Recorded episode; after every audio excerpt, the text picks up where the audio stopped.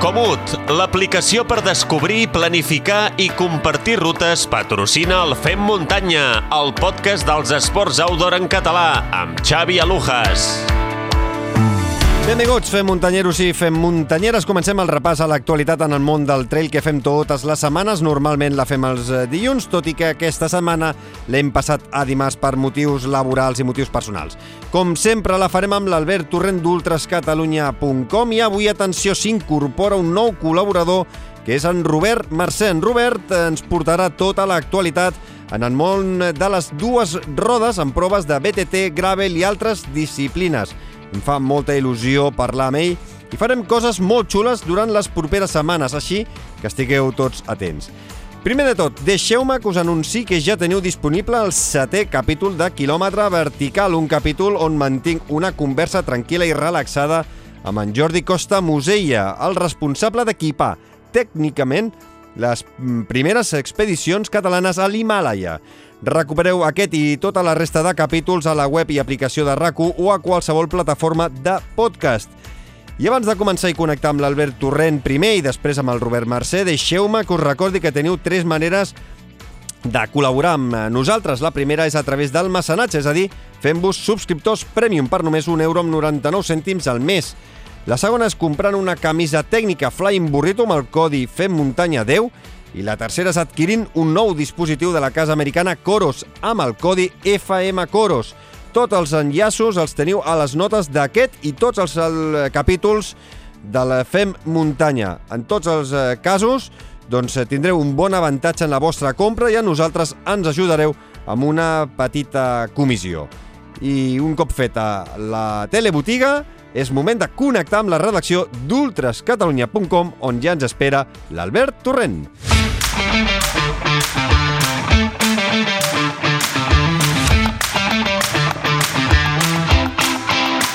Albert Torrent, benvingut al Fer Muntanya una setmana més.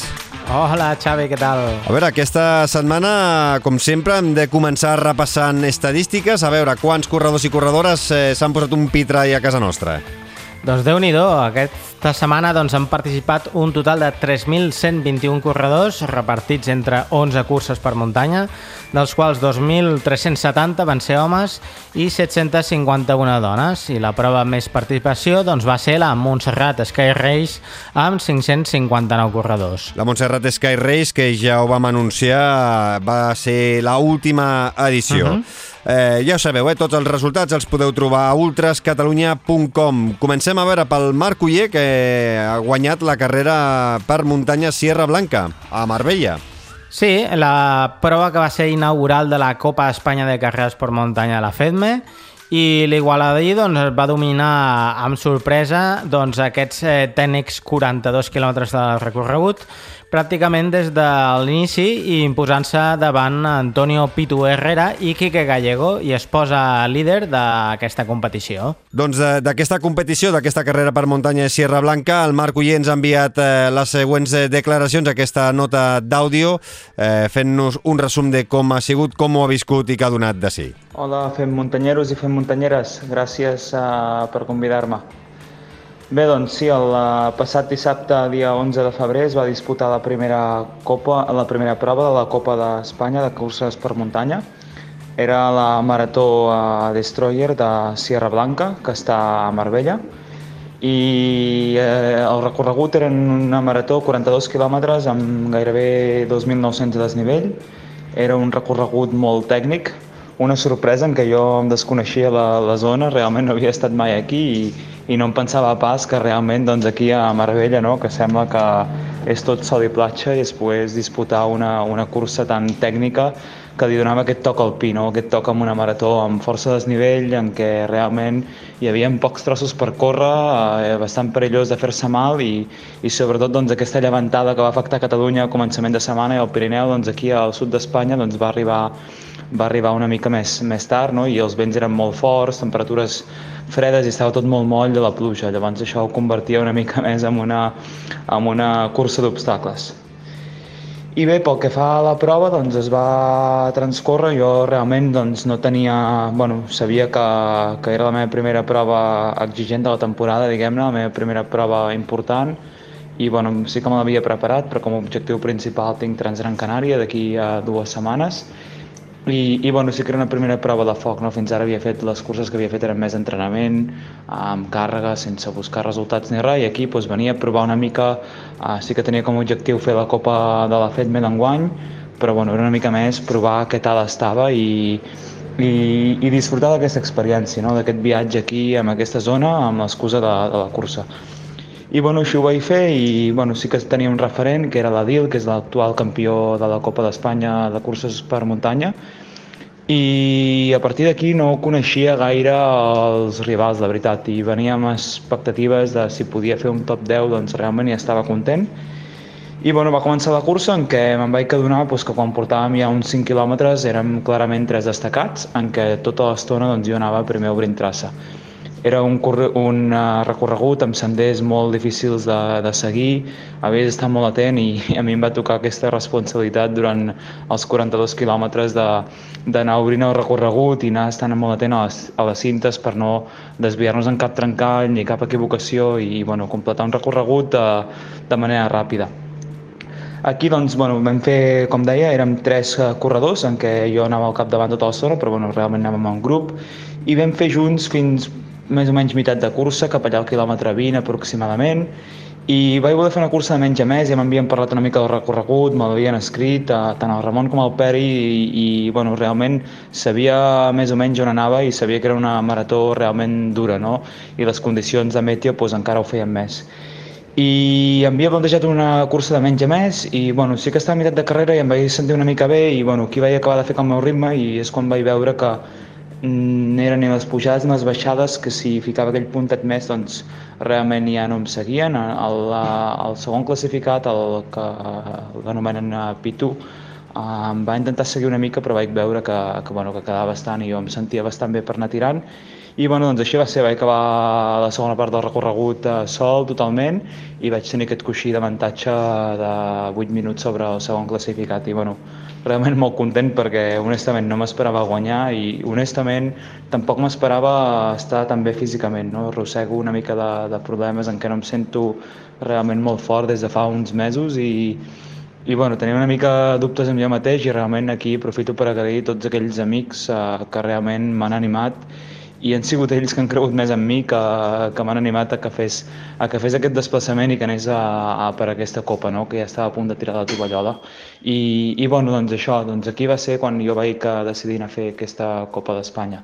Òbviament l'objectiu era, era fer-la, era, era acabar la Copa, i òbviament ara en aquesta primera posició doncs, l'objectiu segueix en ment i era un dels objectius de la temporada ja que eren uh, aquesta primera cursa més, uh, més dura no? i després una mica dos, dos tipus de curses diferents, una cursa més ràpida i després una última cursa així més trencacames també amb força desnivell però una mica menys de quilometratge.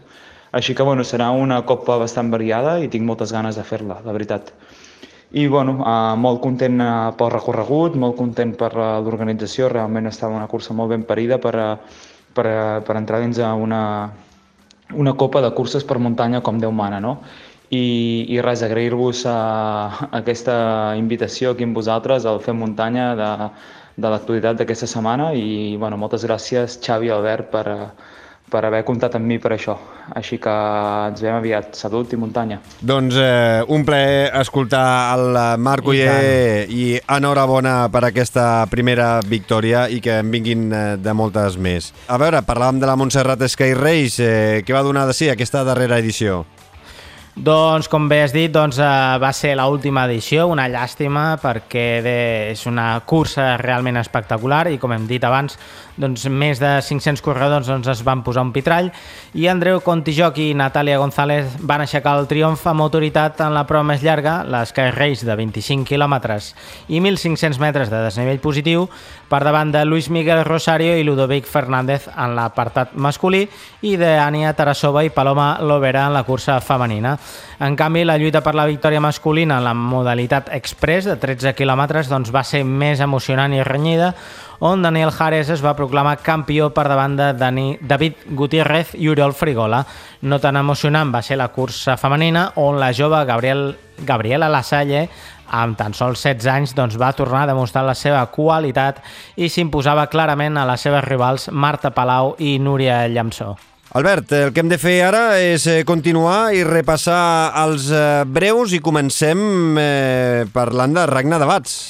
Sí, que bueno, segueix aconseguint victòries al voltant del món i la catalana holandesa doncs, es va imposar aquest cop a Argentina a la Concagua Ultra Trail de 100 km, finalitzant a més quarta absoluta a la prova que tancava el circuit internacional de les Spartan Trail.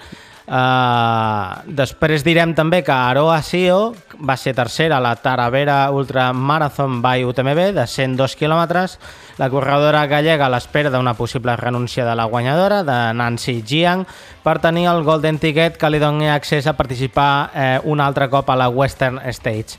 La prova, guanyada per Zach Miller i Lucy Bartolomeu, doncs va inaugurar el prestigiós circuit de les UTMB World Series 2023, que aquest any ja eh, tindrà fins a 36 curses després d'afegir-se una cursa més al calendari aquesta setmana, concretament a la Xina, que serà l'Ultra Trail Ninggai. I aquí a casa doncs, direm eh, així en format breu que Cèlia Balcells i Josep Morales doncs, es van imposar a la cursa dels biberons a Pinell del Brai i són els primers líders de la Copa Catalana de Curses per Muntanya de la FEC. I ja doncs, esperant la setmana que ve que serà la, una, o diguéssim, la primera gran cita de la temporada, com és la Transgran Canària, on hi aniran a participar doncs, eh, molts catalans, com ve sent habitual, i entre ells doncs, tindrem a la Núria Gil, a la Clàudia Trems, el Pau Capell eh, i el propi Marc Uller, com bé ha dit abans. Mm -hmm. Doncs, eh, com sempre, hem d'acabar repassant les eh, curses eh, pel proper cap de setmana que ja hi ens plantem entre del 18 i 19 de febrer. Sí, aquest cap de setmana no serà tan productiva com aquest al passat, però bueno, n'hi hauran tres curses. Al Ripollès doncs, tindrem la hivernal de Cap de a Caldes de Montbui, al Vallès Occidental, la cursa del Farell, i al Guaire, al Segrià, la Sagrat Cor Trail. Doncs eh, ja ho sabeu, eh? si voleu estar sempre actualitzats, eh, heu d'entrar a ultrascatalunya.com. Allà trobareu notícies, trobareu un calendari extens, eh, trobareu articles molt interessants, eh, gairebé tots ells eh, picats eh, per l'Albert Torrent. Albert, ens escoltem la setmana vinent si tot va bé. Una abraçada, cuida't. Una abraçada, Xavi.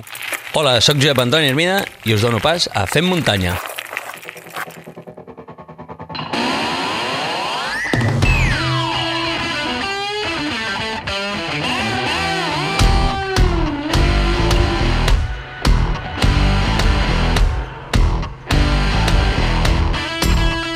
I amb aquesta sintonia ja a partir d'avui doncs, eh, donem la benvinguda a un nou col·laborador que ens posarà al dia sempre, eh, sobretot eh, amb proves de BTT, de dues rodes, eh, també algun dia de gravel, eh, una sintonia potent com la seva veu. És el Robert Mercè, periodista especialitzat en ciclisme i a partir d'avui també el nostre home BTT aquí al Fem Muntanya. Robert, benvingut al eh, programa. Moltes gràcies, Xavi, moltes gràcies a Fem Muntanyeros i Fem Muntanyeres per, per aquesta nova aventura que, que comencem. Eh, molt content de, de formar part i gràcies per l'oportunitat, Xavi.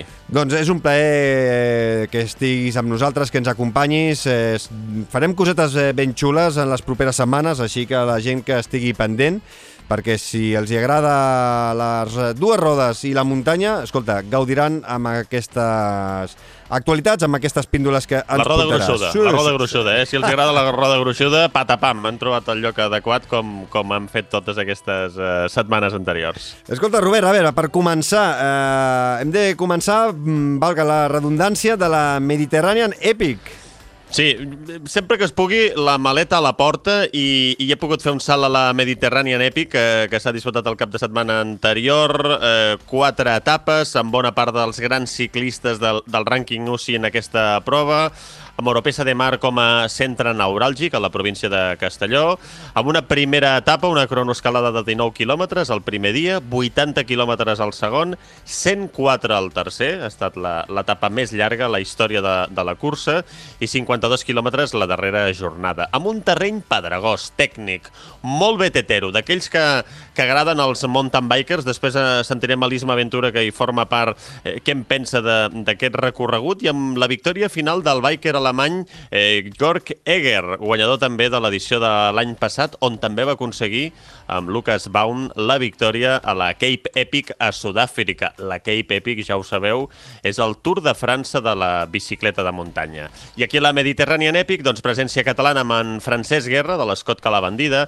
que es va haver de retirar per un eh, constipat que va anar més i que el va deixar absolutament cao. Es recupera a casa seva per afrontar a finals de mes l'Andalucía Bike Race. També hi serem en aquesta prova, en el tram final, i destacar el seu company d'equip, en Sergio Mantecón, és el millor espanyol, o ha estat el millor espanyol a la general, a la posició 13 d'aquesta Mediterranean Epic, i amb una notícia molt fotuda per l'equip Scott Calabandida, que després de la segona etapa van patir el robatori de 3 de les 5 bicicletes de l'equip. Ho explica el propi Guerrilla en declaracions al Fem Muntanya. Després de la segona etapa tornàvem cap a l'apartament, vam aparcar els cotxes a la porta de l'apartament i allà vam anar directes a l'hotel on feien els dinars.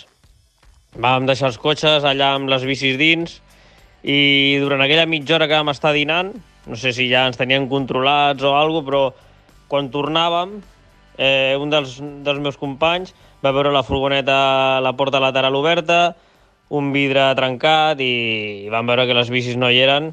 Hi havia tres, tres de les cinc bicis que tenim de corredors, les van robar, uns altres dos anaven a un altre furgo, aquestes no, però aquestes tres bicis eh, m'agradaria ser més optimista, però, però no té pinta que la, les puguem recuperar. Eh? Tant de bo m'equivoqui, però la cosa no pinta bé.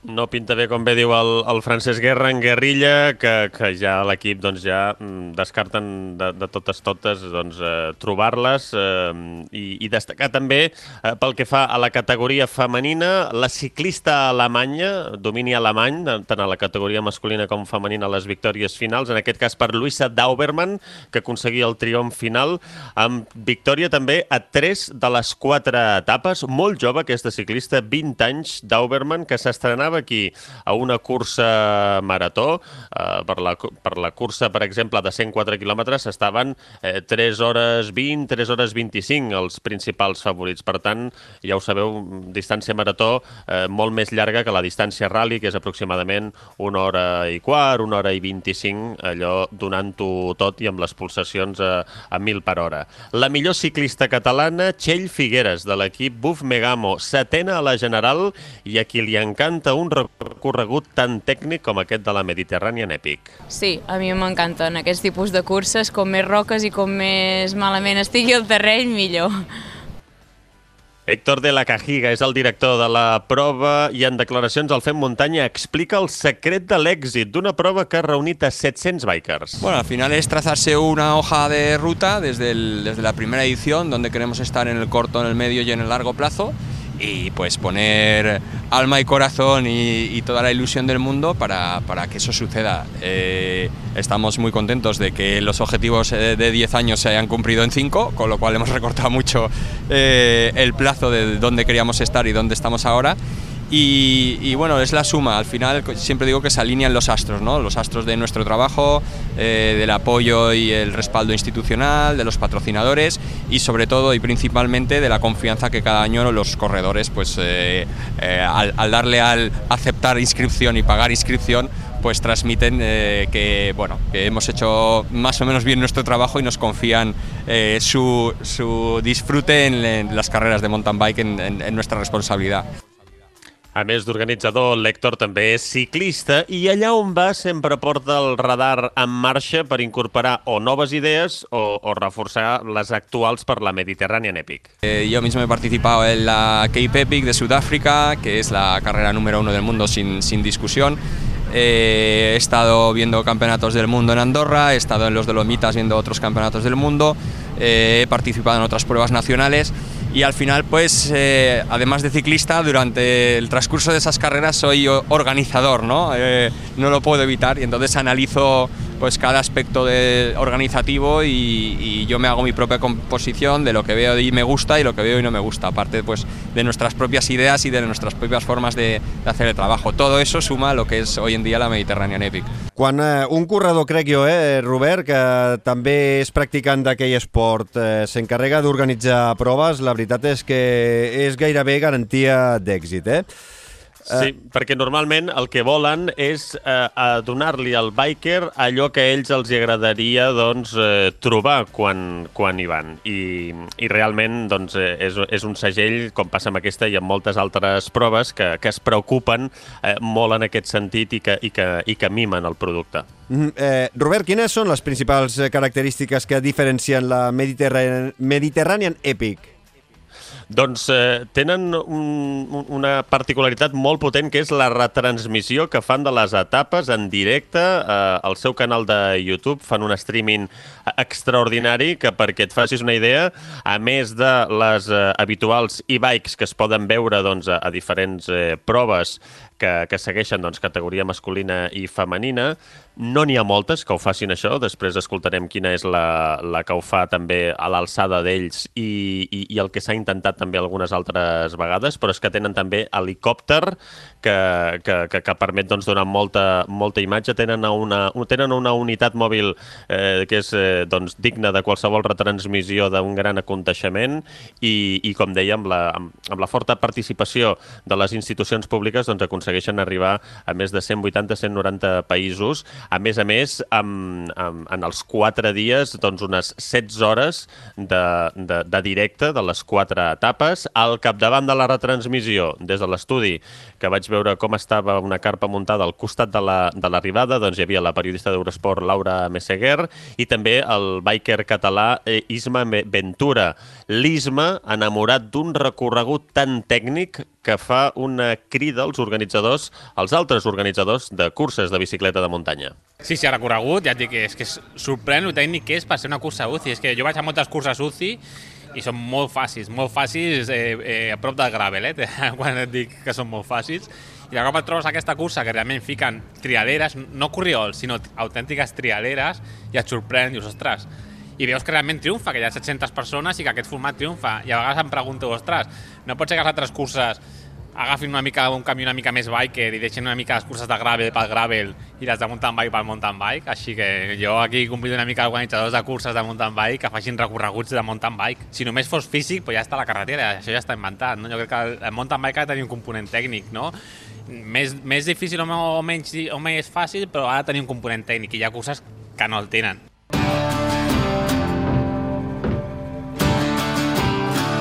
Robert, eh, molt interessant tot el que ens estàs explicant i a més a més també vas poder parlar bueno, amb un mite de la BTT, com és el Josep Antoni Hermida.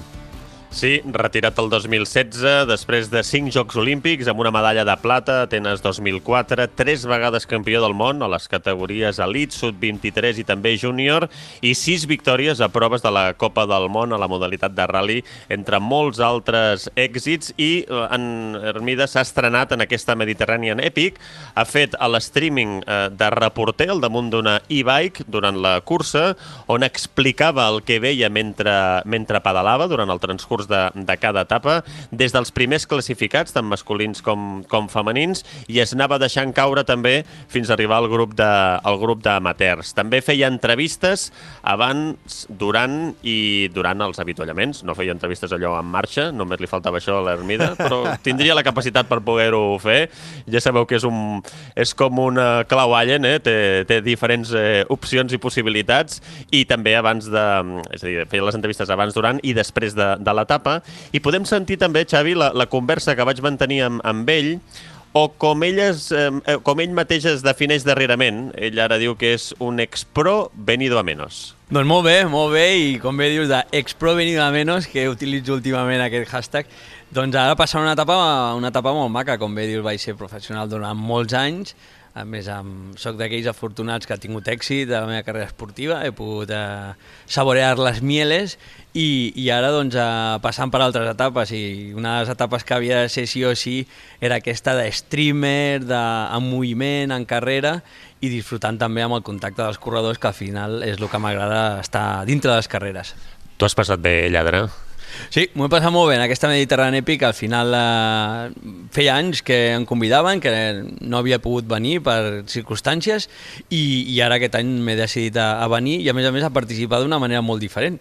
No participar com a corredor, perquè a més hi ha tot un reguitzell de, de top riders que diem a, a l'argot ciclista, sinó he participat com a, com a el e-biker en bicicleta elèctrica, fent el streaming en directe, a la televisió, en contacte amb el participant durant la cursa i sobretot a traslladar a, la, a les plataformes que estaven fent el streaming, traslladar tots aquells corredors i sensacions durant la carrera que, que es podien viure a les etapes. Sí, molt espectacular, eh? No m'esperava que hi hagués aquest terreny, però bueno, ja sabem que les terres de Castelló són terres molt seques, eh, pedres en punxa, a més a més, els dies previs a aquesta Mediterrània Epic hi va ploure una mica, això va fer que les etapes es convertissin una mica més difícils ja de per si que ho eren, eh, en circumstàncies seques doncs era difícil perquè les pedres eh, són molt en punta, pots punxar molt fàcilment, i pedra molt grossa, molt moguda, o sigui, s'ha d'improvisar molt, però a més a més els dies previs a la Mediterrània Epic va ploure.